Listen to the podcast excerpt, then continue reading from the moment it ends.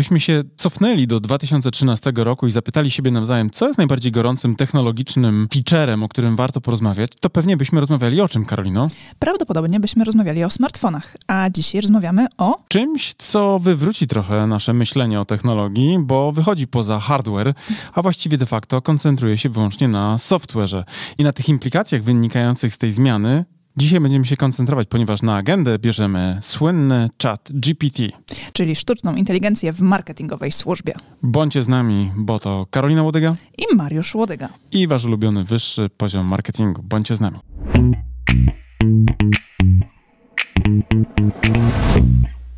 Cześć Karolina. Cześć Mariuszu. Pamiętasz dokładnie, co by było w kontekście technologicznym, gdybyśmy się cofnęli do 2013 roku? Co nas ekscytowało, co powodowało, że byliśmy bardzo mocno rozgrzani? O czym się dyskutowało? Pamiętasz takie główne motywy technologiczne? Wiesz co, pamiętam, że w tamtym czasie wszyscy się fascynowali smartfonami, tym, co one nam dają, jakie możliwości się pojawiają, jakie są aplikacje, tym, że można kupić utwór za 99 centów, a nie trzeba pobierać MP3 gdzieś na lewo z internetu. E, także te smartfony chyba były takim najbardziej rozgrzewającym tematem. Tak jest, tak mi się też wydaje. Też mam taką percepcję tej rzeczywistości dekadę wstecz. Natomiast dzisiaj faktycznie y, już nie ekscytujemy się smartfonami, bo na tym polu chyba żadnej innowacji nie widzieliśmy od, y, no nie wiem kiedy, szczerze mówiąc. No bo to, że na przykład, nie wiem, zmniejszył się notch, albo innej wielkości jest bateria, albo godzinę dłużej trzymamy y, w smartfona w użyteczności, tak, bo pozwala nam na przykład właśnie pojemność baterii na to, to chyba już nie jest rozgrzewające, prawda? Nie słyszałem, żeby żeby ktoś się jarał tym poza jakimiś geekami technologicznymi, komentującymi na przykład jakieś e, właśnie gadżety technologiczne. No nie, no teraz dodajemy kolejne obiektywy do urządzeń, tak? Dokładamy mocy przerobowej i mocy operacyjnej. Dodajemy coraz lepsze na przykład e, funkcje związane z jakością obiektywu w aparacie, ale tak, to innowacja... Właściwie moglibyśmy powiedzieć, że właściwie o innowacji zapomnieliśmy, jeśli chodzi o na przykład stare, dobre smartfony. Co pewnie wkurza bardzo mocno na przykład takich ludzi jak Tim Cook z Apple'a, pewnie by się oburzył, gdybyśmy mu powiedzieli, że e, Apple nie jest innowacyjne dzisiaj, ale z drugiej strony faktycznie jako konsumenci nie czuliśmy takich przełomów ostatnimi czasy zbyt wiele, prawda? No bo takim przełomem było co? Pojawienie się na przykład nowego dostawcy usług a, takich e, społecznościowych, jakim był TikTok, prawda? Czyli na przykład nowe wertykalne wideo, tak, po Snapchacie zutylizowane właśnie przez chińskiego potentata. E, ale czy to jakaś innowacja? To jest po prostu nowy sposób na wyrażanie siebie, tak, w tej platformie, która być może też ma jakieś innowacyjne innowacyjne rozwiązania, ale no mówmy się, to jest stary kotlet w nowej panierce.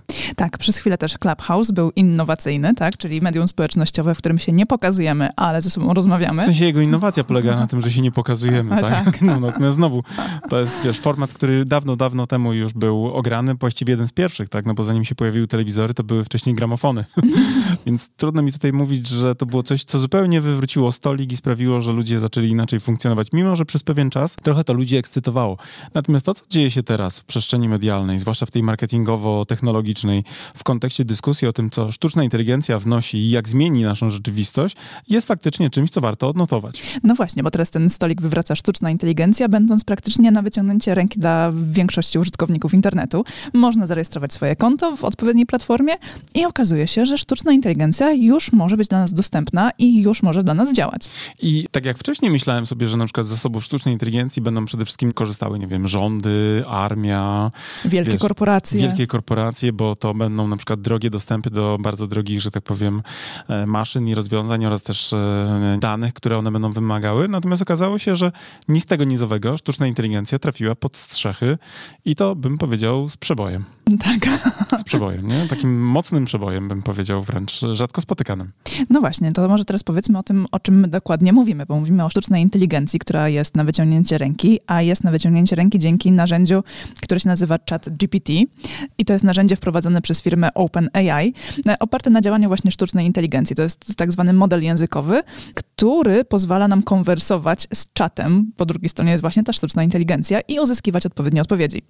Tak, i te odpowiedzi są często zaskakująco poprawne, e, dające, że tak powiem, bardzo szybko wgląd na przykład w jakiś e, materiał, który e, dawniej musieliśmy researchować, robić żmudną kwerendę, poddawać analizie na przykład źródła, a tu nagle się okazuje, że coś, tak, bo to jest właściwie coś, a nie ktoś, podaje ci w mniej niż 5 sekund na przykład gotowe rozwiązanie do twojego zapytania, które miałeś wcześniej na poziomie detalizmu, który do tej pory był właściwie nie nieosiągalny gdzie indziej. Tak, i w tym narzędziu bardzo interesujące jest to, że generalnie rozmawiając z tym narzędziem, z tą sztuczną inteligencją, zadając jej pytania, otrzymujemy odpowiedź, która wygląda bardzo zbliżona do odpowiedzi człowieka. Są Humanoidalna bardzo... jest. Tak, tak, tak. Czasami można by się nawet pomylić, e, interpretując jej odpowiedzi. A gdy się okaże, że na przykład zadajemy pytanie e, temu narzędziu, tak, i e, nie dostaniemy zbytnio tekstu podobnego do napisanego przez człowieka, to można mu na, napisać polecenie, napisz to, jakby to pisał człowiek i dostaje się faktycznie wtedy bardziej znowu humanoidalną I to treść. jest wręcz niesamowite, tak? To jest wręcz niesamowite, tak? Więc tu myślę, że dokonał się ogromny progres. Mam trochę takie wyobrażenie, że wiesz, te pierwsze... Ja jeszcze tylko dodam, no. bo dla mnie na początku to też było tak, że ja myślałam, że te wszystkie narzędzia, tak jak większość narzędzi cyfrowych, będą dostępne na przykład tylko w języku angielskim. Tak. A okazuje się, że ten chat GPT działa również w języku polskim i to całkiem składnie. Bardzo, bardzo składny jest ten język. Co więcej, możesz na przykład sprawdzić sobie, czy tekst, który ty napisałeś jako człowiek, jest poprawnie e, złożony pod kątem e, ortograficznym i gramatycznym i na przykład poprawić błędy tak, tak, językowe tak, tak. może, tak, poprawić stylistykę też, więc e, technicznie myślę, że tu się faktycznie dokonała jakaś rewolucja, zwłaszcza myślę w kontekście tego, że jako użytkownik marki Apple, iPhone'a, nie mogę się doprosić i doczekać, aby Siri ze mną gadała po polsku. No tak, właśnie. nie mogę prostego polecenia głosowego wydać, zadzwoń do mojej kochanej... Siri czy Alexa? Y, Siri myślę, nie? Alexa chyba też nie jest jeszcze w języku polskim, nie, prawda? Nie, chyba nie. ten komunikator Google, ja nie jestem androidowcem, więc nie wiem jak to działa, czy, czy, czy w Google jakby ten asystent głosowy funkcjonuje, ale zasadniczo mam wrażenie, że tutaj pojawił się taki przełom też na naszym polskim rynku, który pierwszy raz jest od razu y, aplikowany do naszej y, kultury, tak? I zaczyna już funkcjonować narzędzie, którego nawet nie podejrzewaliśmy, że ktoś będzie raczył nam, Polakom, udostępnić. Tak, kustomizować pod nas, tak? Na zasadzie za mały rynek, wiesz, i tak dalej. A tu się okazało, że to naprawdę nieźle działa. I to jest ewidentnie warte odnotowania. Tak, i to tu, jeżeli chodzi jeszcze o język, to też bardzo ciekawe jest to, że nawet jeżeli czasami ten chat GPT się zapomni i odpowie ci po angielsku, bo zdarza tak się, co y, ja niejednokrotnie tego doświadczyłam, to wystarczy poprosić go, żeby przetłumaczył na język polski i 13 sekund później mam już odpowiedź w języku polskim. Tak, to jest też naprawdę niesamowite.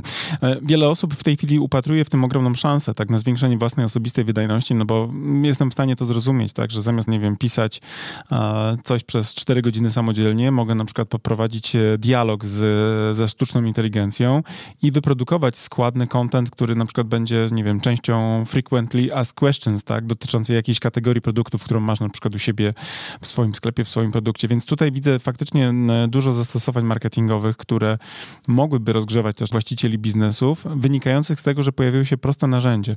E, wydaje mi się też, że obietnica, która jest składana przez tego typu narzędzia, jak właśnie ChatGPT, polegająca na tym, że bardzo szybko rozwiązuje skomplikowane researche, tak, to znaczy bardzo szybko poddaje nam, e, wiesz, złożone odpowiedzi na skomplikowane mm, zapytania.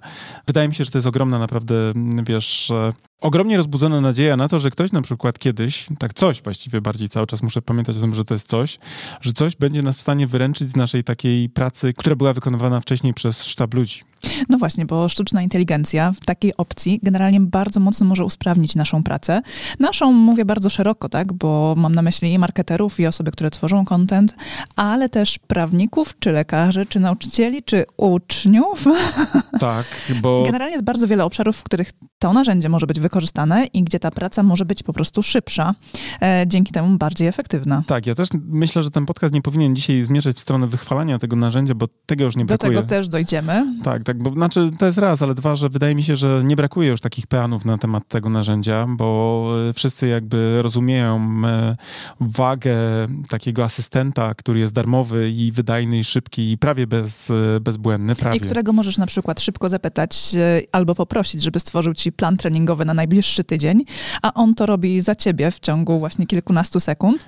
Ale Plus jest... dodatkowo nie musisz przeklikiwać się przez dziesiątki stron internetowych, żeby poszukać inspiracji do ćwiczeń. Nie musisz tego sam robić, bo w teorii wcześniej taka wiedza była na wyciągnięcie ręki. Nasz asystent e, Błażej, którego tu pozdrawiamy w tym podcaście. E, inteligentny. Inteligentny, bardzo inteligentny. W tej chwili prawdopodobnie zastanawia się, jak długo jeszcze będzie utrzymywany przez, przez nas. Myśli pewnie sobie, ok, jestem niezbędny, bo przecież jak Mariusz mówi, znajdź mi na przykład to, to albo zrób tamto, wiesz, odpowiedz mi na pytanie, czy to funkcjonuje i tak dalej, to faktycznie jest to robota, która jest zakontraktowana i która ma robić znakomicie. Ale z drugiej strony, jak długo ja, jako przedsiębiorca, będę myślał, ok, to jest super, że mamy asystenta żywego, który na przykład jeszcze jest po prostu miłym i sympatycznym człowiekiem, z którym można pogadać, ale jak długo ekonomicznie ja to dźwignę?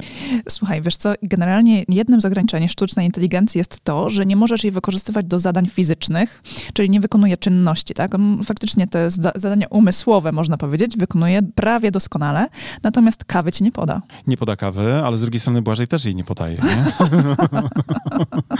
Więc jakby nie widzę korzyści. No okej, okay, to może wtedy z Błaszkiem będziemy na ten temat rozmawiać. Musimy przegadać, ale tak, tak zupełnie serio, Błażej, nie stresuj się. Naprawdę nie chcemy ciebie stracić. Natomiast zmierzam do tego, że oczywiście biznes będzie kombinował, jak tutaj na przykład ograniczyć koszty ponoszone na kapitał ludzki, tak, w wyniku tego, że ktoś musi wykonać właśnie tą robotę polegającą na researchach, na tworzeniu, na, nie wiem, opisywaniu produktów, tak. No, wyobraźmy sobie na przykład, gdzie jest ta e, rzesza copywriterów, którzy mają za zadanie opisać 32 tysiące produktów na jakimś e, sklepie tak? To znaczy jest robota, jest jakaś agencja SEO, która przyjmie tego klienta, ktoś tam gdzieś tam będzie w zaciszu swojego zaplecza, będzie tworzył ten content i jakieś te przepływy złotówkowe będą. Natomiast y, oczywiście rozumiemy, że już pojawiają się takie myśli, ej, a może by tak tych 12 copywriterów, którzy tworzą te mm, opisy produktów, których mamy, zastąpić dwoma, tak, którzy przecież jak dostaną narzędzie, to niech sobie sami to robią, prawda, szybciej, sprawniej, a my nadal będziemy utrzymywać te same faktury dla klientów, co nie, Marian? Sprytne? Tak i generalnie ja powiedziałabym, że to dotyczyłoby bardzo wielu zawodów, bo nawet można powiedzieć, że można okroić etat w restauracji. E, nie musimy mieć zastępcy menedżera na przykład restauracji, bo menedżer w tym momencie szybciej ogarnie wszystko. Wystarczy w chat GPT wpisać, stwórz mi na przykład sezono, sezonowe menu do restauracji w tak. górach i raz, dwa, trzy mamy propozycje na 15 dań, a za chwilę będą przepisy do tego i generalnie mamy wszystko e, Plus zrobione. Przygotuj, przygotuj mi propozycje postów tak promocyjnych, na przykład z naszą sezonową nową e, koncepcją na dania właśnie, tak, na media społecznościowe i chat GPT to ciebie, to tak, ciebie tak, ogarnia. Tak, tak, Więc oczywiście e, tutaj można powiedzieć, że rozumiemy ekscytację, ale z drugiej strony ja też zadaję pytanie, no dobrze, to jak wszystkich zwolnimy, bo sztuczna inteligencja będzie wyręczała nas z pracy, to kto będzie na czym zarabiał? Nie? Tak, gdzie no. będzie ta korzyść, tak? Plus w którą stronę to pójdzie, jak głęboko ona, krótko mówiąc, zmieni e, otoczenie, w którym funkcjonujemy, tak? No bo dzisiaj sobie myślę, że tutaj trochę heszkujemy, trochę żartujemy, będąc po pierwszym kontakcie jakby z możliwościami tych systemów, ale z drugiej strony faktycznie w kategorii czasu, jaki przed nami jest, czyli na przykład dekady, to muszę powiedzieć, że tak jak na przykład, nie wiem, mógłbym być bardzo mocno poruszony tym pozytywnie, że jako twórca mam dostęp do społeczności za pomocą platform społecznościowych, że mogę, nie wiem, nagrywać swój, podcast, że to narzędzie za chwilę połączy słuchacza z nadawcą i tak dalej, że to będzie super. Mhm. Ale trudno mi sobie wyobrazić na przykład jakieś pozytywy płynące z tego, że ja nie muszę już tworzyć podcastu, ponieważ sztuczna inteligencja za mnie zacznie go prowadzić z jakimś deepfake'iem, tak? Czyli tak, będzie deep voice, deepfake voice. Tak jest, będę sobie robił wideo, materiały, które będą odpowiadały na, na, na, na wyzwania mojej grupie docelowej i niby wszystko świetnie, ale z drugiej strony, po drugiej stronie nikomu się tego nie będzie chciało czytać ani słuchać, ponieważ wszyscy wiedzą, że to jest robione przez y, sztuczną inteligencję. A poza tym po co mają tego słuchać tyle czasu, bo na przykład odcinek trwa 20 albo 40 minut, kiedy mogą zadać pytanie, pytanie chat GPT i uzyskać odpowiedź. W 7 sekund, tak. tak. na jakiś palący temat, tak? tak? No, jak opisać personę, na przykład zakupową w takim segmencie, na przykład y, rynku i tak dalej. Albo jak napisać kod do strony internetowej. Tak, bo teraz wiele osób myśli sobie, ok, no dobra, super, świetnie, bo ja właśnie wdrożę sobie to i będę na przykład wydajny w tej robocie bardziej, bo na przykład zamiast wymyślać sam strukturę postu na media społecznościowe albo sam, e, zamiast sam pisać treści na bloga, po prostu zwyczajnie napiszę to za mnie sztuczna inteligencja, ale z drugiej strony właśnie będzie po drugiej stronie ten człowiek, który nie będzie miał potrzeby wejść na stronę internetową, uwaga, szukając odpowiedzi na swoje własne pytania, ponieważ co? Będzie sobie gadał y, merytorycznie z czatem właśnie sztucznej inteligencji. Tak, bo zamiast wpisywać jakieś zapytanie do Google'a, on po prostu to wpisze do sztucznej inteligencji. Albo za chwilę właśnie, jak pojawi się jakaś iteracja hardware'owa, tak, i pojawi się asystent głosowy, który będzie bazował na tego typu rozwiązaniach, to ja nie będę sobie pisał, tylko będę mówił, hej... Y, Będziemy rozmawiać ze sztuczną inteligencją. Tak, y, hej, y, moja droga, tam Bożeno, bo to sobie możemy nadać imię. Pewnie ktoś będzie to sprzedawał, wiesz, że ono może mieć imię, jakie tylko chcesz. No. Czyli cześć. E, Marianie. Cześć Marianie, powiedz mi, jaka pogoda za oknem, jak się ubrać, e, wiesz, zarezerwuj stolik, a przy okazji napisz... Słuchaj, post... wybieram się na wycieczkę w góry, co mam ze sobą zabrać? Zrób mi zdjęcie z, nie wiem, jakiejś kamerki, którą mam na przykład w komputerze, że niby pracuję i opisz to w mediach społecznościowych, że jestem zajęta albo zajęty. No właśnie, tak? tak? Pełna generyczność, pełna generyczność, tak? I teraz oczywiście trochę żartujemy, ale trochę nie, no bo jeżeli mówimy na przykład o e, ludzkości, no to z natury możemy przyjąć, że jako ludzie generalnie rozwijamy się w stronę automatyzacji, ponieważ e, podświadomie szukamy rzeczy, które nas odciążą, żeby nie powiedzieć, pozwolą nam wieść leniwe życie. W teorii tak, no. no. I w praktyce też, no bo przecież wiadomo, ja na przykład też mówię o sobie, że ja... I tutaj z tobą nie do końca bym się zgodziła, Jestem bo, gotowy na polemikę, pod warunkiem, że przyznasz prób, mi rację. Próbujemy technologią ułatwić sobie swoje życie i być, właśnie jak to powiedziałeś, mieć czas na lenistwo. Tak. Ale okazuje się, że technologia jest kosztowna, tak? Generalnie kupujemy do domu pralkę, kupujemy zmywarkę, kupujemy lodówkę. Wszystko wykonuje za nas jakieś czynności. Ta pralka pierze, często jeszcze suszy, Chcesz mi powiedzieć, suszarką. że jestem człowiekiem, który brzmi jak e, człowiek, który broni pojawienie się postępu, tak? Jak taki inkwizytor, który będzie palił książki. Tak, trochę tak. No dobrze, Mamy tą zmywarkę, no. która nas odciąża, tak? Natomiast okazuje się, że my musimy mieć pieniądze na utrzymanie tego wszystkiego, tak? Na zakup, utrzymanie, e, więc musimy chodzić do pracy, żeby jednak mieć środki na funkcjonowanie naszej technologii w naszym mieszkaniu przynajmniej.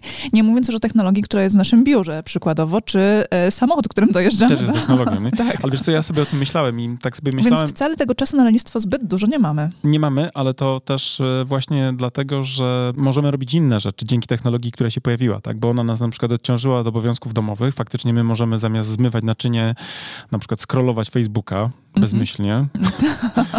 tak. Rozumiesz, nie? No, zasadzie, ludzie odzyskują czas, bo nie, nie zmywają naczyń, to w tym czasie patrzą, wiesz, w smartfona i patrzą na przykład na TikToku, kto robi jakieś pląsy. Mhm. Oczywiście żartuję trochę, a trochę nie, bo doskonale wiesz, jak to działa. To tak. nie jest tak, że ludzie są cały dzień na świeżo kognitywnie, tak, przygotowani do rozwiązywania skomplikowanych zadań, ale że e, w tym wolnym czasie bardzo często mają tendencję do takiego właśnie zanurzania się w shit contencie, no. taki, który po prostu, wiesz, nie wymaga myślenia, po prostu bawi. Nawet nie uczy bawiąc, tylko po prostu bawi. Odmurza. Odmurza, no właśnie. Mhm. Powoduje, że twoje zwoje mózgowe mają po prostu trochę lżej.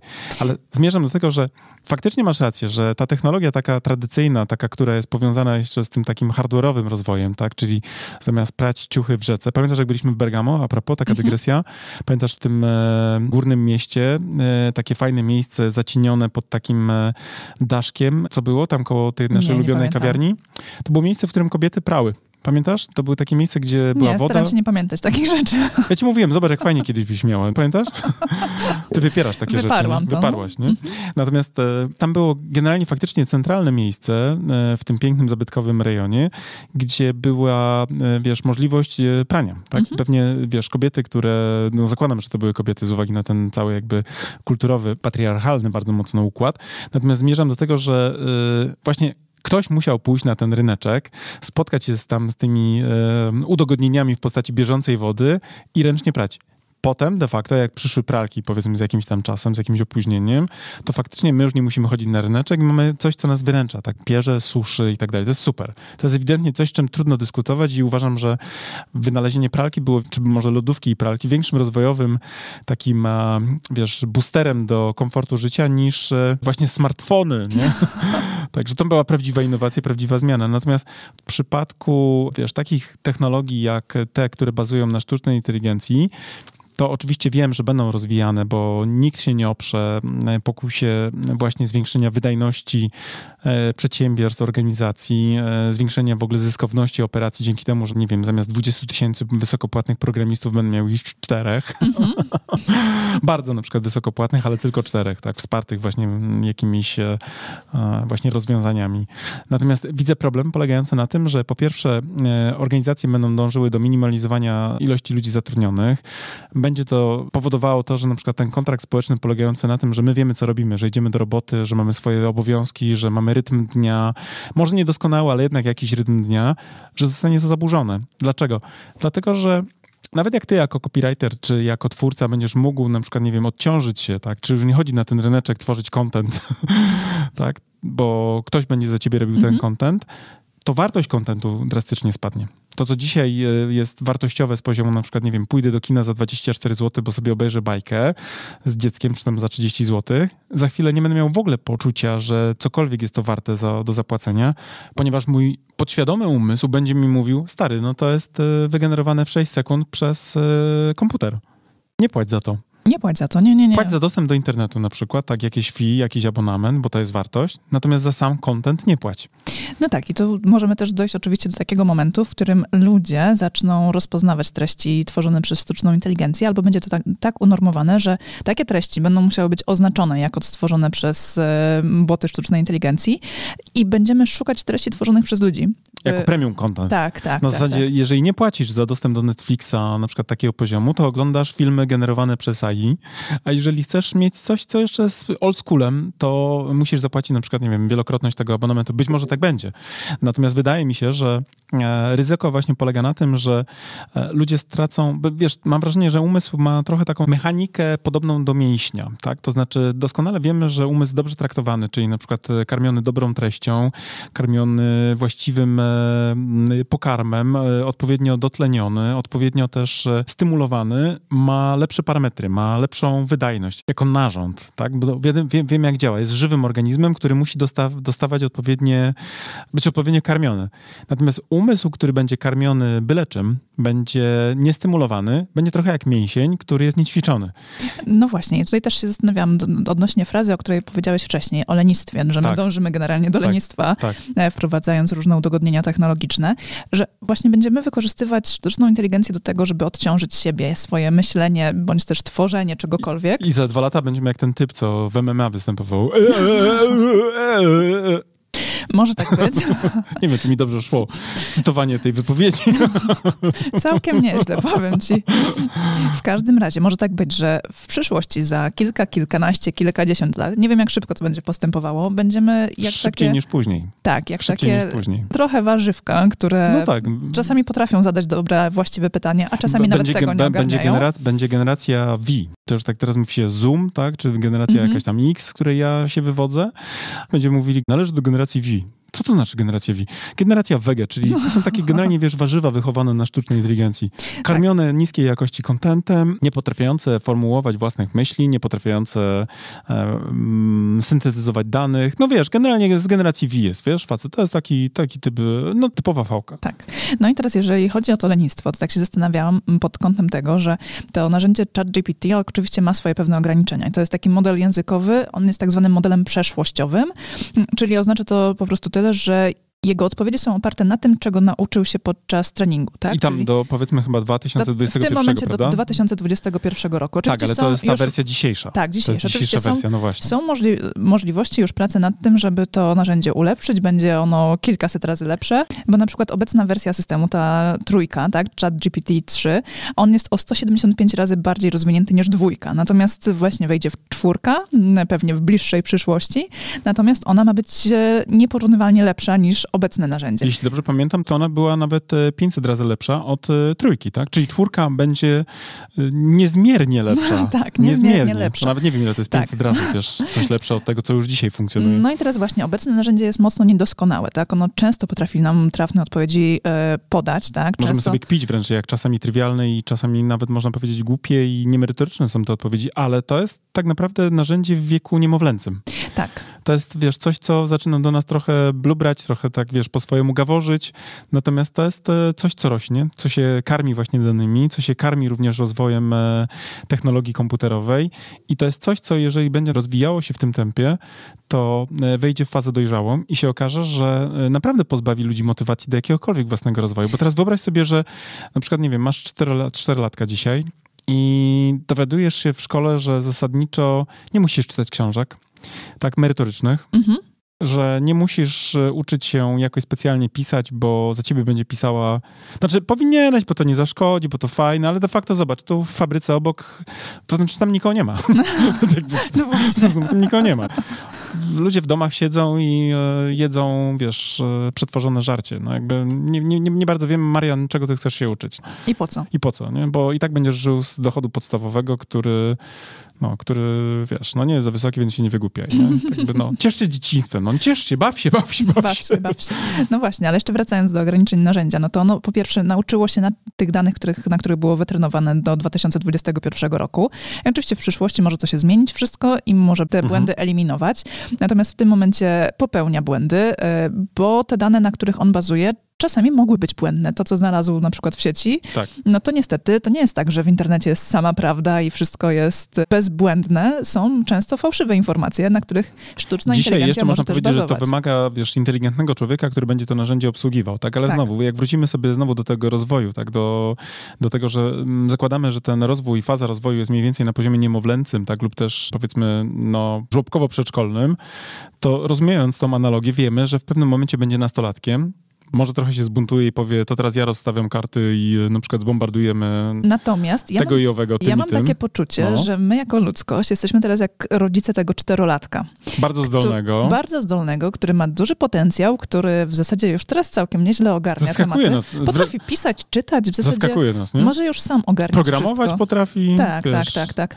Więc po co my mamy cokolwiek jeszcze mu podrzucać do nauki, tak? I zmierzam do tego, że jeżeli ludzie dążą do tego, żeby być leniwymi, to tworzenie treści dla nas, do właśnie, żeby karmić wiedzę sztucznej inteligencji, może być nie, nieopłacalne, tak? No bo szybciej tworzymy content ze sztuczną inteligencją. No bo ona się karmi naszym kontentem, tak? Karmi naszą wiedzą, naszymi danymi, które wprowadziliśmy do świata cyfrowego. Natomiast Jeżeli będziemy zbyt dużo wykorzystywać kontentu ze sztucznej inteligencji i jak będziemy go rozpowszechniać w internecie, w przyszłości sztuczna inteligencja będzie korzystała z kontentu, który powstał na bazie sztucznej inteligencji, to się zrobi taka iteracja tego wszystkiego i de facto ciężko będzie wprowadzać nowe treści. to znaczy, myślę, że w ogóle zapotrzebowanie na treści generowane przez e, sztuczną inteligencję pewnie się nigdy nie skończy z uwagi na to, że one będą potrzebne na przykład jako, wiesz, manuale, e, manuale do czegoś, albo, e, wiesz, procedury opisane, albo wręcz algorytmy de facto do poruszania się innych na przykład rozwiązań bazujących na algorytmach sztucznej inteligencji. Natomiast wydaje mi się, że z czasem też, jeżeli mówimy cały czas o rozwoju, to powiedzmy w tej dojrzałej fazie, która jest przed nami, w nieokreślonej na razie przyszłości, będzie prawdopodobnie coś takiego, co polegać moim zdaniem może na autokracji. Tak, na zadawaniu sobie własnych pytań. Tak, na zasadzie, dokąd zmierzasz sztuczną inteligencją? Kim jesteś? Co, co, co chcesz osiągnąć? Po co ci, ci ludzie na planecie zanieczyszczający? Tak, może dać im rowerki, niech pedałują, żeby chociaż prąd z nich był, tak jak e, w krzywym zwierciadle. No właśnie, to będziemy robić, Black tak? Mirror. Tak, tak. Na zasadzie nadal jakbym nie myślał w kategorii na przykład rozgrywania ze sztuczną inteligencją albo z tymi kartami jakiejś partii, to za każdym razem myślę jako produkt tej rozgrywki, to ja na rowerku. No bo nic innego nie jesteś w stanie Nie- lepszego wiesz, zrobić. Nic mi innego nie przychodzi do głowy. Na zasadzie, okej, jaka może być rola człowieka w tej masie, kiedy będą e, tego typu rozwiązania dostępne, tak? To znaczy ja podający jakąś dawkę energii do systemu. Tak, wytwarzający energię. Tak, wiatraki, wiadomo, tak, napędzane, tak. Mo, może też ja na przykład, ja jako, nie wiem, Ale obsługujący... jaką rzeź byś miał, człowieku. Łojer, no. na przykład 6 godzin dziennie na rowerku, Tak, panie. W sumie to może nie być najgłupsze rozwiązanie. wiedziałam, że ci się spodoba. Dobry trenażer, fajna, fajna nuta dookoła. W sumie może nie najgłupsze rozwiązanie. Może ja tu niepotrzebnie tak patrzę na to tak pesymistycznie. No to jak patrzymy optymistycznie, to do czego można wykorzystać w tym momencie chat GPT? No na przykład do tego, żeby, nie wiem, podziękować panom prawnikom, podziękować panom trenerom personalnym, takim, którzy przygotowują plany dietetyczne, żywieniowe, w sensie żywieniowe dla sportowców, dla Mhm, chcących schudnąć, Treningowe. Mhm. treningowe, e, wszelkiego rodzaju konsultantom, doradcom, patrzymy, tak. tak? No skoro możesz zapytać sztuczną inteligencję, co robić, jak żyć, tak, również biznesowo, to dlaczego mam za to płacić, tak? Więc tutaj myślę, że jest dużo rzeczy, które będą mm, mocno challenge'owane przez tego typu rozwiązania. Tak, I bo generalnie można ją wykorzystać też w medycynie, do analizy na przykład e, wyników badań, tak? Można wykorzystać w edukacji, do tworzenia testów różnych, tak? E, Sprawdzianów dla uczniów. Oczywiście uczniowie w edukacji też to wykorzystują, bo już się okazuje, że jest problem, żeby nauczyciele... już nauczyciele mówią, że nie potrafią tak. rozpoznać e, treści tworzonej przez chat Tak, czy GPT, zadanie no. domowe to jest napisane przez ucznia, czy przez sztuczną inteligencję. Generalnie generowanie treści różnego typu, artykuły, opisy produktów, tak, e, scenariusze filmów, reklam, czegokolwiek byśmy sobie tutaj nie, nie wymyślili.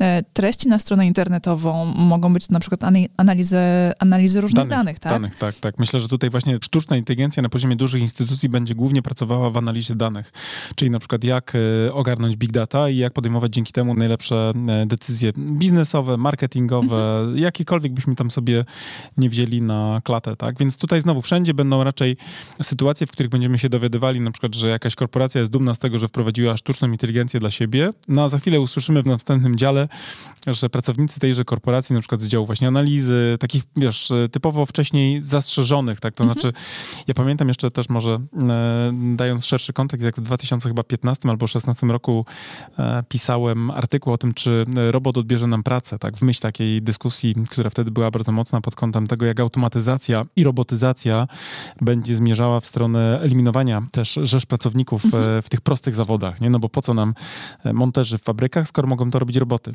I tam pamiętam, że dyskurs generalnie był taki, że e, oczywiście wiele będzie takich e, turbulencji wynikających z tej zmiany paradygmatu na rynku pracy, natomiast pozytywne powinno być to, że zawody kreatywne, takie, które wymagają empatii, empatii, zrozumienia kontekstu, tak, będą bezpieczne.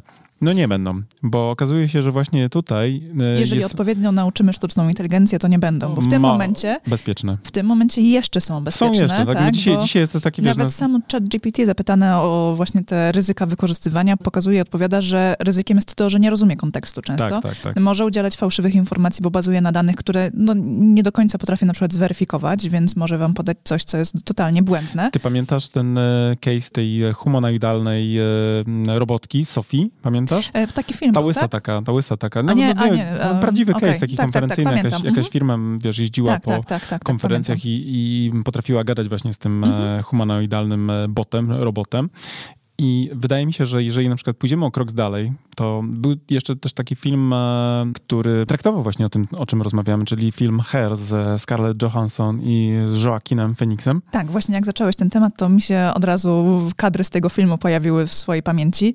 Pamiętam doskonale to, jak to się skończyło, tak? No bo na początku jest zachwyt, a potem niestety jest przejęcie. No, ale też, też mam wrażenie, że generalnie rzecz biorąc, jeżeli mówimy tutaj o tym, że właśnie są pewne zawody, które będą bo będą wymagały właśnie empatii, E, zrozumienia kontekstu, takiej, wiesz, myśli kreatywnej i krytycznej, to to jest tylko kwestia czasu. To nie jest y, czy, tak, mhm. czy to jest możliwe, tylko raczej kiedy będzie to możliwe, tak, i kiedy taka iteracja się pojawi rozwiązania, a kiedy się pojawi, to nagle się okaże, że faktycznie, wiesz, ludzie będą być może potrzebni do wykonywania albo właśnie prostych rzeczy, typu dostać paczkę do, y, wiesz, paczkomatu, albo na przykład tam, gdzie jest taniej, na przykład umyj podłogę w biurowcu mhm. albo ręcznie, tak?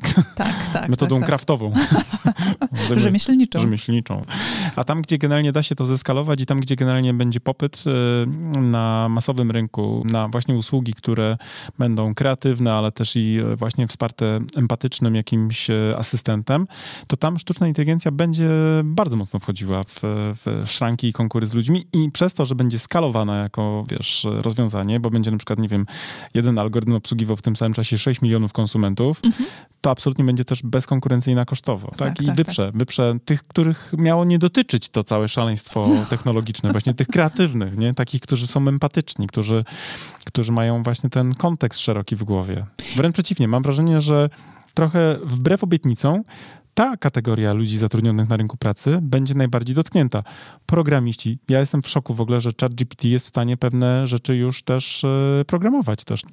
E, jestem w szoku, że jest w stanie podawać odpowiedzi na pytania dotyczące e, zdrowia. Mhm. Jestem w szoku, że jest w stanie przygotowywać właśnie rzeczy związane z planem treningowym, z planem dietetycznym, wiesz. I myślę, że to w sumie nie jest zaskakujące. Dlaczego? No bo tam, gdzie jest medycyna, tam, gdzie jest prawo, tam, gdzie są opisane, skatalogowane i bardzo mocno Gdzie jest też... bardzo duży dostęp do takich informacji. Tak, bo, bo jest jest, e, wiesz, cała dziedzina nauki, po prostu mhm. zgromadzona cała gigantyczna biblioteka, nazwijmy to w ten sposób, gdzie są pewne kody tak. To sztuczna inteligencja absolutnie kody rozumie. kody, przepisy, reguły, tak. Ona będzie w stanie sobie funkcjonować i zrobi to lepiej, tak, niż prawnik, tak. Zrobisz szybciej. Zresztą, nomen omen, e, pamiętam, że ty w weekend pracowałeś pierwszy raz nad e, umową, nie? Z naszym partnerem e, z ChatGPT i w dużym stopniu posiłkowałaś się tego typu tak, rozwiązaniem. Tak, tak, pomogła mi naprawdę. W niektórych e, paragrafach i podpunktach e, dała sobie całkiem nieźle radę. Oczywiście wymagało to dopasowania do naszych potrzeb, natomiast tak. czułam trochę tak, jakbym już rozmawiała z prawnikiem prawnikiem po drugiej stronie. Tak, tak. I teraz oczywiście wiadomo, my mamy dzisiaj jeszcze zrozumienie kontekstu, w którym funkcjonujemy, tak, wiemy, gdzie do nas się na przykład myli, kiedy podaje dane, które trzeba e, sparafrazować albo inaczej w innym kontekście umieścić, tak, albo wręcz nadpisać po swojemu, tak, żeby to miało ręce i nogi. Natomiast faktycznie to jest tak jak mówiłem wcześniej, tylko na razie mm, taki przedszkolno-żłobkowy obszar rozwoju tej e, technologii i uważam, że jak ona będzie wchodziła już do bazy gimnazjalnej albo licealnej, tak, będzie być może, nie wiem, trochę... To już nas... powinniśmy się mocno trzymać. Powinniśmy się mocno trzymać, tak, bo moim zdaniem tutaj, nawet jakbyśmy świadomie mówili, nie wolno tego robić, bo to prowadzi ludzkość do właśnie takiej kretynizacji wręcz. To niestety nasza ciekawość nas Ciekawość zaprowadzi. nas tam zaprowadzi. No to jest, to jest, to jest ja, ja mam wrażenie, że to jest trochę tak jak, wiesz, w Biblii. Możecie korzystać z całego Edenu, mhm. ale nie żryjcie tego jabłka. tego jednego. Tego jednego jebaniutkiego jabłka nie ruszajcie. Dlaczego? No bo tak. I tak trochę jest z tą sztuczną inteligencją. Na zasadzie rozwijajcie się, nie wiem, wynajdźcie nowe Wiemy, źródła... Wiemy, że tego nie powinniśmy robić, bo niesie to pewne zagrożenia ze Zamiast sobą. wymyślić nowe źródła energii. Wymyślić... Ale jeżeli my tego nie zrobimy, to zrobi to ktoś inny obok. To te inne dzikusy zeżrą to jabłko. I, to za... I zarobią na tym. Z zeżrą, będą zadowoleni i może, wiesz, odkryją tajemnicę Poznania. Tak. A my, żyjąc w Poznaniu, wiemy, że tutaj nic ciekawego nie ma.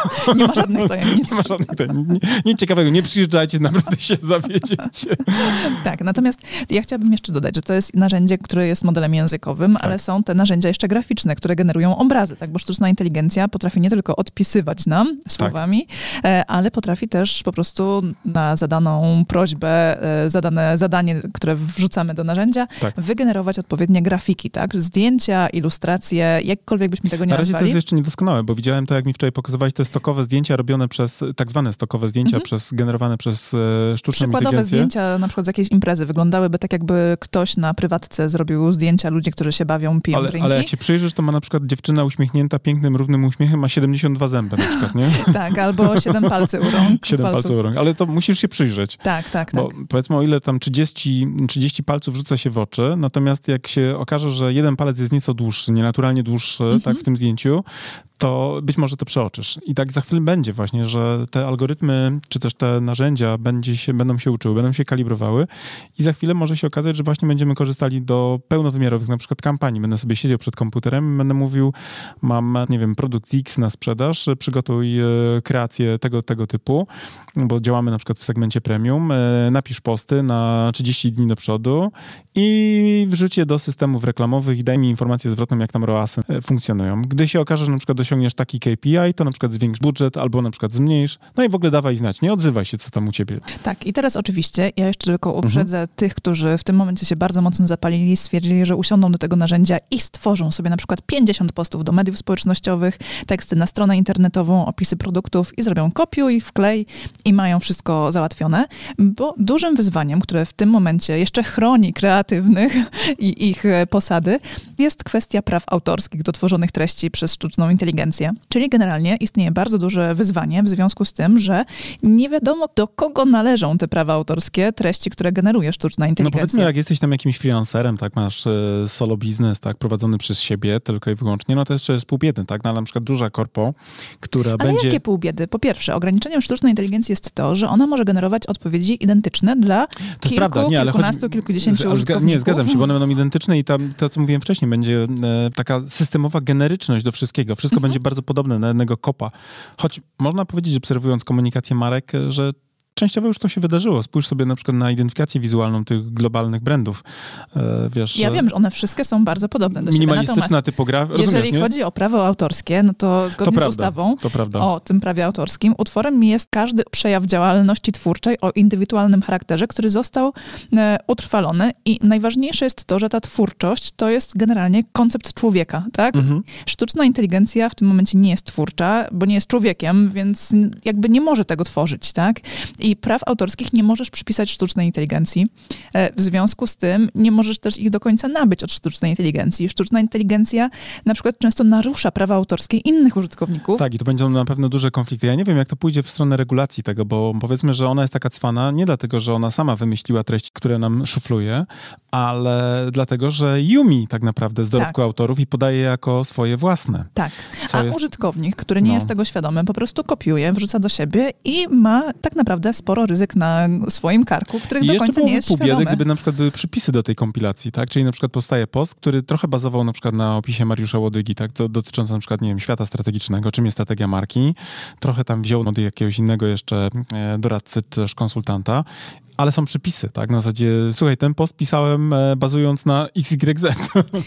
Tak, no i właśnie teraz jeszcze jedna ważna no. kwestia, też że OpenAI, które wypuściło ChatGPT, generalnie w warunkach użytkowania ChatGPT wskazuje, że powinniśmy wszystkie, wszystkie informacje, które udostępniamy dzięki ChatGPT, oznaczyć, że one stw zostały stworzone właśnie przy wykorzystaniu tego narzędzia. A potem oczywiście po drugiej stronie użytkownik mówi, no jasne, już, tak, jakby tak. pozdrawiam cię, nie? No, pozdrawiam. A ty nie jedz tyle cukru na przykład.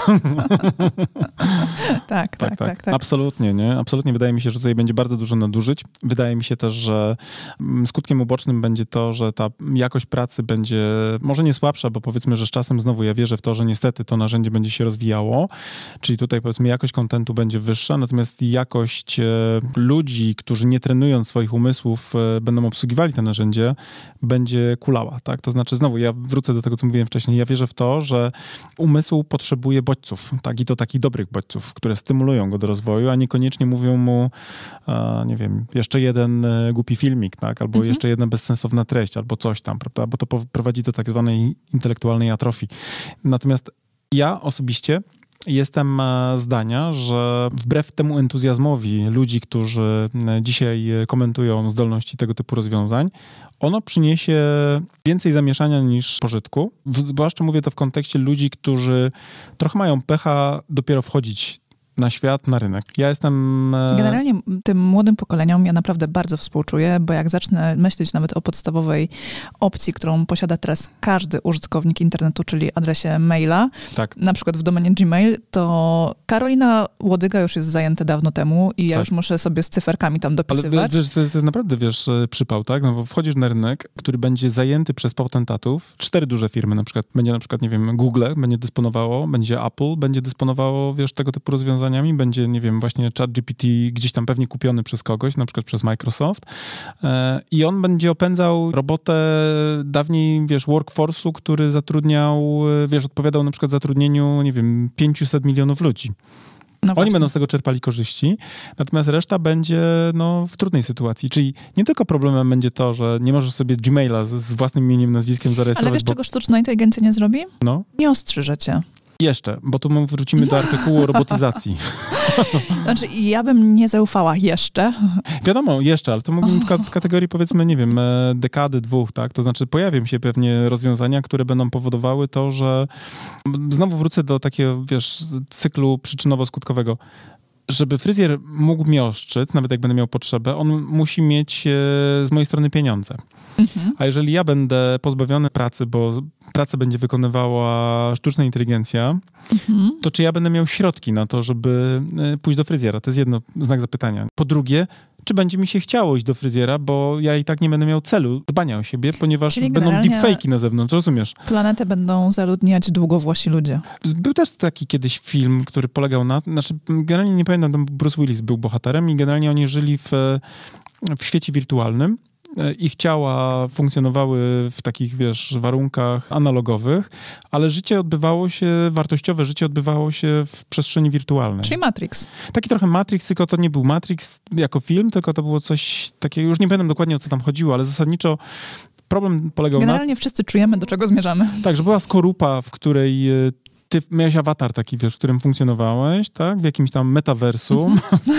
Natomiast twoje biologiczne ciało było bez jakiegoś większego znaczenia, tak? Mhm. Liczyło się twoje życie, wiesz, fizyczne, znaczy w sensie cyfrowe, tak? Mhm. Natomiast twoje ciało fizyczne było generalnie wtórne. Ono Mogło być w piwnicy po prostu schowane. Mogło być. Mogło wegetować w jakimś tam kapsule podtrzymywanej, wiesz, tak jakby... No. Mogłeś po prostu być w pokoju dwa na dwa, bez okien, a w tym świecie wirtualnym mieć poczucie, że właśnie zwiedzasz mm, jakieś super ekstra miejsce tak. na drugim końcu świata. Wczoraj rozmawiałem ze znajomym, który skwitował taką naszą rozmowę, bo też jakby rozważał te wszystkie za i przeciw i mówi, wiesz co, żyjemy w przyszłości. I faktycznie dzisiaj już trochę żyjemy w przyszłości, tak? Zwłaszcza ja jestem 76 rocznik y, ubiegłego wieku, żeby była mhm. jasność to ja przechodziłem przez tak dziwne z tej dzisiejszej perspektywy fazy rozwoju. To znaczy, jak jeździłem na wieś do e, tam ciotki, to mieliśmy taką tak zwaną sławojkę. Wiesz, ubikacja na zewnątrz, taka, rozumiesz? Tak. Cały czas pamiętam wszystkie walory tego rozwiązania, tak? Y, brak żarówki, brak światła, brak... Y, bo to Ale taka... przyjemny powiew. No, zależy, wiesz, do tej pory mam taką lekką niechęć do przebywania na tak zwanej agroturystyce, tak? Bo do tej pory pamiętam jakby te czasy, tak, gdzie wiesz, no to trochę tak jakby się cofnąć do XIX wieku. A potem mamy te wszystkie rzeczy, które są związane z rozwojem właśnie technologii, pojawiającej się, wiesz, e, cyfrowej rzeczywistości i tak dalej.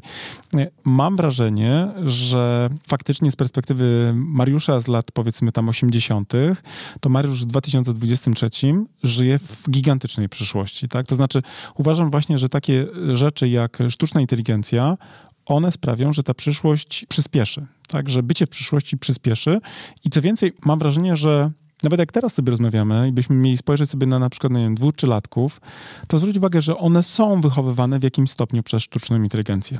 Co masz na myśli? No zobacz, dzieci, które oglądają bajki na Netflixie, mhm. kto dobiera te bajki? Algorytmy. Algorytmy podpowiadają, podobała ci się ta bajeczka, zobacz, ta też ci się spodoba.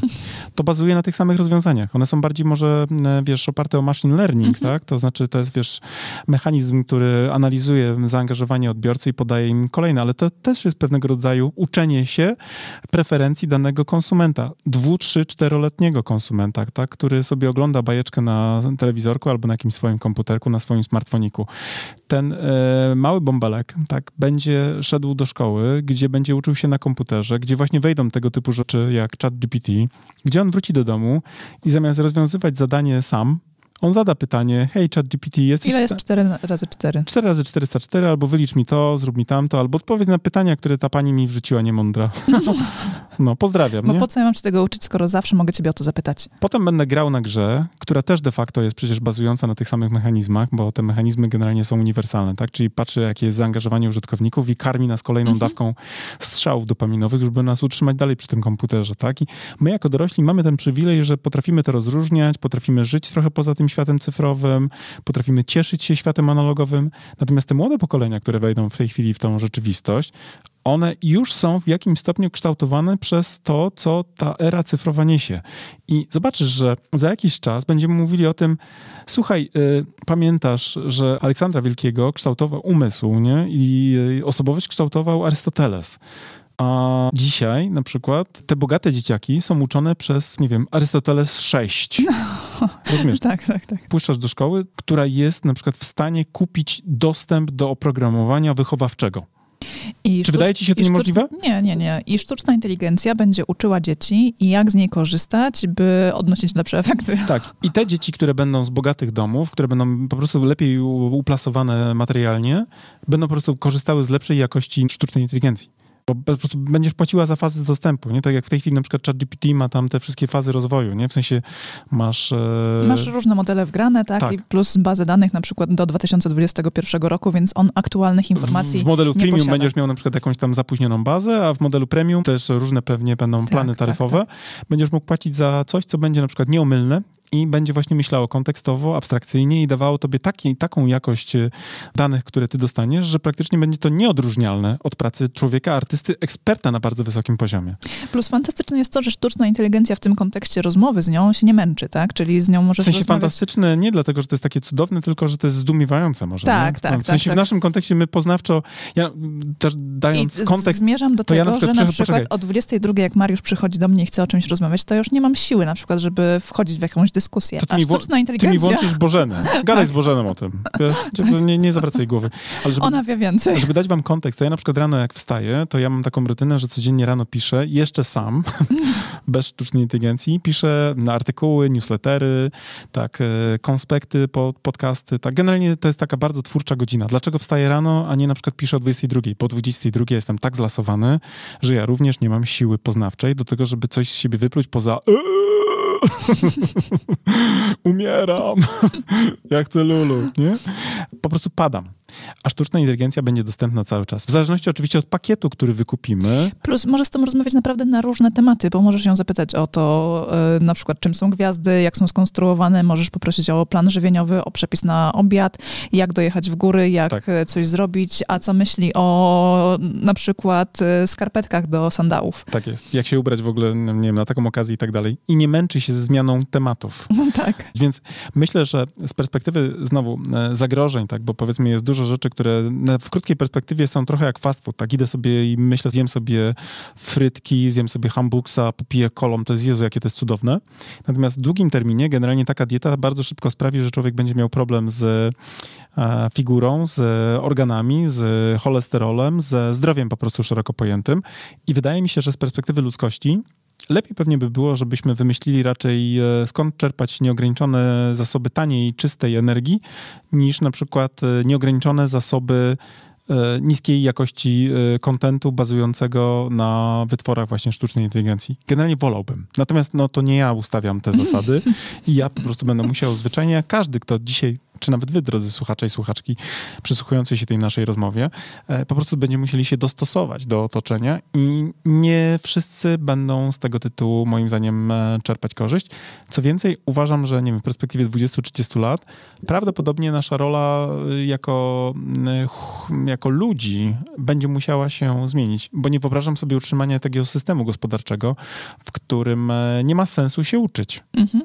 Bo to, rozumiesz? Tak, tak, tak, tak. Nie sensie. ma sensu memoryzować niczego, nie ma sensu uczyć się pisać, nie ma sensu uczyć się researchować.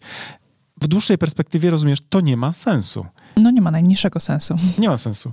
I to jest coś, co dotknie każdych, tak? Bo to podobno w Google włączył się Red Alert, jak oni zobaczyli, że wywaliło coś takiego.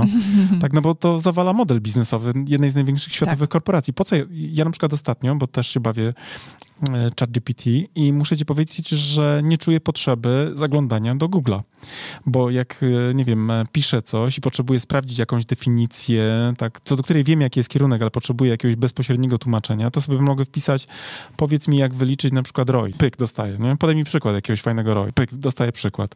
Rozumiesz? Tak, tak, tak. Nie tak, czuję tak. potrzeby zaglądania do Google'a. No nie, i nie musisz przeklikiwać się przez strony użytkowników w Google, w sensie przez różne domeny w poszukiwaniu odpowiedzi, która akurat ci ci najbardziej będzie pasowała. Tak. W związku z czym, po pierwsze, ty oszczędzasz czas, ale generujesz mniej ruchu właśnie w zapytaniach googlowskich A w Google i w jest, ruchu użytkowników, tak. w sensie właścicieli stron internetowych. Czytałem, że generalnie w Google jest panika i że wręcz zaprosili tych founderów, tak, czyli e, mhm. Sergeja Brina i e, tego drugiego, e, już nie pamiętam nazwiska, z powrotem na pokład, żeby radzili, co zrobić, co zrobić, nie? Bo to naprawdę wywali im stolik. Tak. Więc myślę, że jest to ciekawostka dzisiaj, z uwagi na to, że to trochę jest taka, wiesz, taki Myślę, news... że warto po prostu pobawić się tym narzędziem, żeby zobaczyć, jakie są możliwości i finalnie nie zostać cyfrowo wykluczonym. Tak, bo to wręcz trzeba. Natomiast ja uważam też albo inaczej, zrobicie co uważacie, słuchacze, słuchaczki, natomiast ja absolutnie e, nie mam zamiaru rezygnować z własnych zasobów poznawczych na rzecz właśnie tego typu rozwiązań, dlatego że e, mam zamiar ćwiczyć te mięśnie umysłowe mhm. i nie mam zamiaru tracić tej zdolności do formułowania własnych myśli. Absolutnie uważam, że najgorszy scenariusz, który mógłby być, nawet nie to, że ja się przybranżowię na przykład, bo nie będę strategiem, e, bo, bo pivotowałem w życiu już kilka co najmniej razy i za każdym razem było to coś fajnego, natomiast najgorsze, co by mogło mnie spotkać, to nie dość, że wiesz, stracić robotę, to jeszcze stracić mózg. No właśnie, i tutaj jeszcze na sam koniec tego odcinka dodam tylko, że oglądaliśmy ostatnio materiał jakiś na YouTubie na temat właśnie ChatGPT, uh-huh. tego, co ono potrafi, co może zrobić. I tam był case, że jakaś osoba poprosiła o napisanie właśnie ChatGPT kilku chwytliwych zaczepek na Tindera. Uh-huh. I Samo ChatGPT podało na przykład trzy możliwe opcje zaczepienia drugiej strony. E, ten użytkownik poprosił o skondensowanie tego, bo były zbyt rozwlekłe, więc ChatGPT to oczywiście skróciło. E, dodać na przykład trochę tylko pikanterii, więc dodało pikanterii i finalnie wypluło trzy krótkie wiadomości, które można wysłać do e, drugiej strony, do użytkownika Tindera. I to, czego ja się boję, to jest to oczywiście, Wygenerowane że... przez AI zdjęcie, wygenerowany content i jakby spotkanie później w realu. No właśnie, i wtedy okazuje się, że ta sztuczna inteligencja jeszcze nie potrafi mówić naszym głosem. Nie, ale chodzi mi o to, wiesz, ale chodzi mi o to, że na przykład właśnie znowu ci młodzi, którzy powiedzmy, my byliśmy na randce, ja pamiętam ten tekst, który do ciebie napisałem, jestem z niego dumny, że tak świetnie skonwertował, że tak pięknie zareagowałaś na niego. Uważam, że miałem genialnie zaszyte tam e, USP w tej komunikacji i że po prostu było to dobre, nie? Dobra, tak. dobra mieszanka rzeczy, które cię striggerowały do pójścia na kawkę ze mną. I do tej pory lubię sobie o tym myśleć, jaki byłem przekozak w tej e, relacji, nie? Że, że zadziałało. Natomiast Wyobraźmy sobie właśnie to pokolenie młodych ludzi, którzy wiesz, e, Siri czy tam e, Bożeno, zagadaj do tam typa, bo bym e, skoczył na randkę albo skoczyła na randkę. A typ mówi, hej Siri, odpisz temu typowi albo tej typiarze. I de facto ludzie finalnie spotykają się przy stoliku w kawiarni i po pierwsze nie pamiętają o czym rozmawiali, bo to nie Tak, oni rozmawiali, Nie mają boty. kontekstu. No, Tak. Nie mają kontekstu. Są Plus- pozbawieni warstwy emocjonalnej w tej relacji. Nie są sobą, bo no, de facto w sensie ma, nie mają nawet wyobrażenia do końca pe- pewnie Jest o takie sobie. klasyczne dzieło y, Cyrano de Bergerac. Generalnie chodziło o to, że wiesz, facet y, wyręczał innego typa w pisaniu listów miłosnych. Mhm. Generalnie long story short, był jeden gościu, który miał kompletnie zero skilla takiego społecznego. Nie, Ghostwriter. Mhm. tak, nie, nie potrafił uwodzić, a zależało mu bardzo mocno na jakiejś tam kobicie, więc zatrudnił ghostwritera, tak, Mhm. tego właśnie chyba e, Cyrano de Bergeraca, który pisał mu piękne, miłosne myśl, listy, które spowodowały, że adresatka tego... tego Konwersja była wysoka. konwersja była bardzo wysoka, w sensie wręcz do, do poziomu miłości była. Natomiast później był dramat, ponieważ na spotkaniu na randce on nie? Wiesz, jakby, rozumiesz. Plus nie pamiętał, co pisał. De facto nie potrafił cytować kontentu. Ona czekała cały czas, kiedy on pojedzie tymi frazami? Tak, kiedy tak, te tak. akapity tej pięknej melodii e, miłosnego listu się e, pojawią w rzeczywistości, a tam nic takiego nie było. I teraz przenosząc to trochę na rzeczywistość, ja ostatnio miałem też okazję e, być po stronie klienta jako towarzysząc podczas odbioru pracy jednej z agencji SEO, tak, gdzie siedział jakiś account z tej agencji, który absolutnie był pozbawiony zdolności interpersonalnych. To był facet, który generalnie nie potrafił w żaden sposób mową ciała zbudować relacji z nami, siedząc, wiesz, online. I to jest dla mnie dość zrozumiałe, no bo ja rozumiem, jak tacy techniczni ludzie mają problem, bo siedzą w cyferkach, zwłaszcza kiedy pracują na algorytmach, kiedy nie mają wyrobionych takich bardzo mocno zakorzenionych, e, wiesz, nawyków, tak, bo komunikują się na przykład na Slacku emotikonami. Rozumiesz, facet kompletnie nie wiedział, jak utrzymać kontakt wzrokowy, nie wiedział, jak rozładować napięcie, bo klient miał jakieś tam pretensje o źle dobrane frazy, wiesz, i, i generalnie rzecz biorąc siedział, jak byłby takim trochę botem. Nie, w sensie miał zdolności komunikacyjne na poziomie właśnie takiego wczesnego bota. tak kompletnie sobie nie radził właśnie z tą interpersonalną warstwą realnej komunikacji z drugim człowiekiem. I mam wrażenie, że tego typu właśnie algorytmy sprawią, że nie tylko jakiś tam wyjątkowy specjalista, którego po prostu pech polega na tym, że on od rana do wieczora, wiesz, analizuje algorytmy Google'a, ale całe pokolenia będą siedziały niezdolne do nawiązywania jakichkolwiek relacji. Mhm. To na pewno będzie bardzo, bardzo pogłębione. Tak, bo to pojawi się jako, wiesz, gigantyczny Znaczy, problem. Już, ter, już w tym Już teraz momencie jest jest. problem, oczywiście wśród tych młodszych pokoleń, e, bo wszystkie są przyspawane do smartfonów, tak? I Nie generalnie... uśmiechają się na żywo, tylko emotikony wrzucają sobie na smartfonach, tak, Tak, na tak, tak, komunikatorach. Mhm. Więc generalnie myślę, że ten problem się pogłębi, przeniesie się na większe level, grono ludzi. wyższy, tak? poziom, wyższy wyższy poziom. poziom trollingu technologicznego, no. Tak, tak, tak, tak. Mhm. Także generalnie zagrożeń jest całkiem sporo. Takich pozytywnych aspektów W długim terminie nie potrafię ich dostrzec. Mhm. Tak, znaczy już teraz widzę problem z technologią, wiesz, z takim nadmiernym hura optymizmem, który mieliśmy, kiedy wchodziły właśnie smartfony, tak, bo się potoczyło bardzo dużo rzeczy, że tak powiem, trochę boczkiem się, jakby tak Mhm. równolegle do zachwytu pojawiły się rzeczy niepokojące, jak zbytnia właśnie cyfrowa zależność, Ja mogę mieć chyba ty, newsy. tylko nadzieję, że ludzka ta chęć dążenia do lenistwa będzie tak mocna, że nie będzie nam się chciało korzystać z tego. No nie wiem, no nie wiem, nie wiem, nie wiem, nie wiem. Gdyby tak było, to byłoby dobrze. Nie wiem, nie wiem, nie wiem. Szczerze mówiąc, nie wiem. Znaczy, mam nadzieję, że to nie pójdzie w tę stronę, że absolutnie się mylimy w tych naszych y, forecastach. Natomiast technicznie, no, patrząc na rozwój technologii, na, nawet na rozwój tych y, trywialnych już dzisiaj platform społecznościowych, to większość tego kontentu, które się pojawia w mediach społecznościowych, generalnie jest toksyczna lub też niskiej jakości. Tak? To znaczy, potrafi na przykład bardzo mocno ryć beret, bardzo mocno utrudniać w ogóle ocenę rzeczywistości, bardzo często wywołuje choroby psychiczne, tak? zwłaszcza u młodych ludzi, którzy nie potrafią oddzielać, y, co jest prawda, co fałsz. Tak? Fake newsy, Tak. tak. te wszystkie niepokoje społeczne, które wynikają z tego, że ktoś potrafi wpływać na algorytmy i na przykład zaburzać e, spektrum polityczne w danym kraju i tak dalej.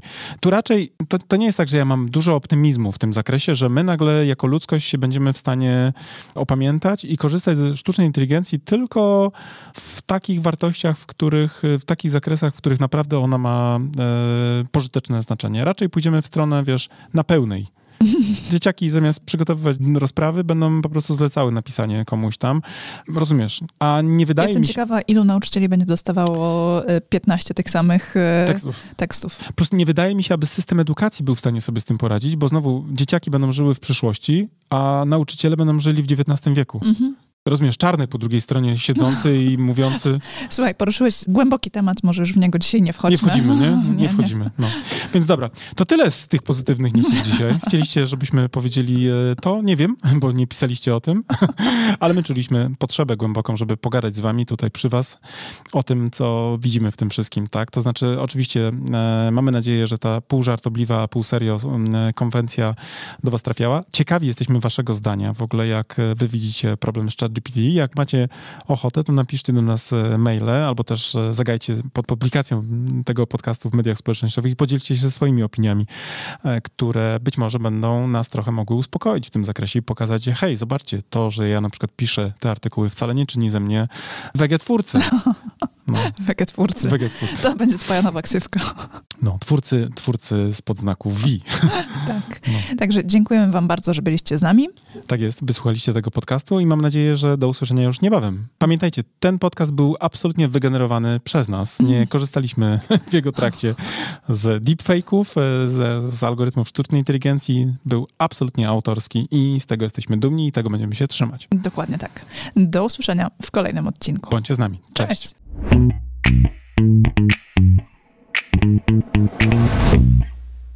No i to był bardzo ciekawy odcinek. Myślę, że był dla Was inspirujący, ale z drugiej strony też myślimy sobie, że być może część z Was będzie szukała na przykład odpowiedzi na pytanie, jak Karolina i Marżuldenia może Wam pomóc, prawda? I jak możemy Was wprowadzić na wyższy poziom marketingu. No właśnie, bo przecież my właściwie de facto nie żyjemy tylko z tego, że nagrywamy podcasty, ale też tak naprawdę obsługujemy naszych klientów, prawda? Nasza firma konsultingowa, działająca już kilkanaście lat na rynku, obsłużyła właściwie, nie potrafię nawet już zliczyć w tym momencie ile klientów, ale tak naprawdę wypracowała sobie kilka naprawdę mocnych kierunków na współpracę z wami. Tak, zaczynając od tej, o której już pewnie wiecie, czyli nasz kurs online, ale potem innym krokiem, gdzie możecie bezpośrednio się z nami spotkać, to są konsultacje marketingowe, tak jest. Właściwie robimy mnóstwo konsultacji z klientami. Wiemy, że potrzebujecie przedyskutować wiele istotnych szczegółów, które mogą sprawić właśnie, że wasza komunikacja albo ucierpi, jeśli to nie będzie przegadane z kimś, kto ma inne spojrzenie na te sprawy, albo właśnie bardzo zyska, ponieważ ktoś podpowie, jak zrobić coś lepiej, prawda? Zwrócić na jakiś detal uwagę. Więc tutaj, gdybyście chcieli skonsultować wasze problemy marketingowe i nie tylko na poziomie strategicznym, ale również na poziomie takim typowo operacyjnym, to w dużym stopniu jesteśmy w stanie, myślę, wam pomóc. I jak najbardziej najbardziej. Możemy też was przeszkolić z niektórych elementów marketingowych, tak? Ale bardzo chętnie, to już w ogóle tak. wiesz, ja to bardzo lubię. Wiesz, nie Mariusz da... jak ryba w wodzie. No tak, bo ja bardzo lubię w ogóle ten kontakt fizyczny. Z uwagi na to, że pandemia się skończyła, to ja zaczynam wreszcie jeździć po różnych miejscach i gdyby była taka potrzeba w waszej organizacji, żebyście chcieli właśnie pogadać o marketingu w formie dobrego szkolenia, które nie tylko będzie wiedzowe, ale też i zainspiruje w dobry, fajny sposób was i waszego, nie wiem, szefa, ale też i wasz e, zespół marketingowy do bardziej bardziej efektywnej pracy marketingowej, no to ja nie wiem, czy jestem w stanie polecić kogoś lepszego. Naprawdę nie wiem. Chciałbym, ale nie wiem, czy, czy znajdę w mojej pamięci. No. Nie pamiętasz, tak? Nie pamiętam, no. Tak, ale możemy też dla was zrobić coś, co strategzy lubią najbardziej, czyli opracować po prostu strategię marketingową dla waszej marki. Ale gdyby się okazało, że strategię już macie i potrzebujecie na przykład zweryfikować pewne założenia i na przykład tylko i wyłącznie potrzebujecie strategów do tego, żeby zrobić badanie marketingowe i wyciągnąć nowe insighty z tej grupy docelowej, do której chcecie dotrzeć, to również to robimy i i z przyjemnością pomagamy naszym klientom w tym zakresie. I co więcej, uważamy, że raz na jakiś czas dobre badanie jeszcze nikomu nie zaszkodziło, nie? Zdecydowanie nie. a być może wręcz pomogło. Tak, a jeżeli na przykład prowadzicie sklep internetowy i potrzebujecie zweryfikować, czy jest on prosty i intuicyjny dla waszych klientów, czy proces zakupowy jest też zrozumiały i czy nie sprawia, że wasi klienci opuszczają wasz sklep, bo po prostu coś było nie tak, to zawsze możecie też się do nas odezwać, a my przeprowadzimy audyt sklepu internetowego. Tak jest. I nie tylko na poziomie oczywiście takich typowo e, operacyjnych wskaźników, jak na przykład, nie wiem, e, kwestie konwersji, prawda, na sklepie, ale również spojrzymy na to, oczyma z zewnątrz, aby dać wam feedback, w jaki sposób wasza marka z waszym sklepem internetowym może się różnicować, prawda, w tym całym gąszczu. I tutaj nasze bardzo bogate doświadczenie komersowe również może być dla was bardzo mocno pomocne. Więc jak Czyli tutaj mamy połączenie procesu zakupowego razem z tym aspektem marki i strategii marki. Tak jest, bo tutaj absolutnie pewnie łatwiej dzisiaj utworzyć sklep sklep internetowy niż przetrwać ze sklepem, więc generalnie rzecz biorąc myślę, że tutaj też byście byli bardzo mocno e, zaskoczeni, ile rzeczy możemy wam e, podpowiedzieć. Więc tak long story short, jak to mówią anglosasi, prawda?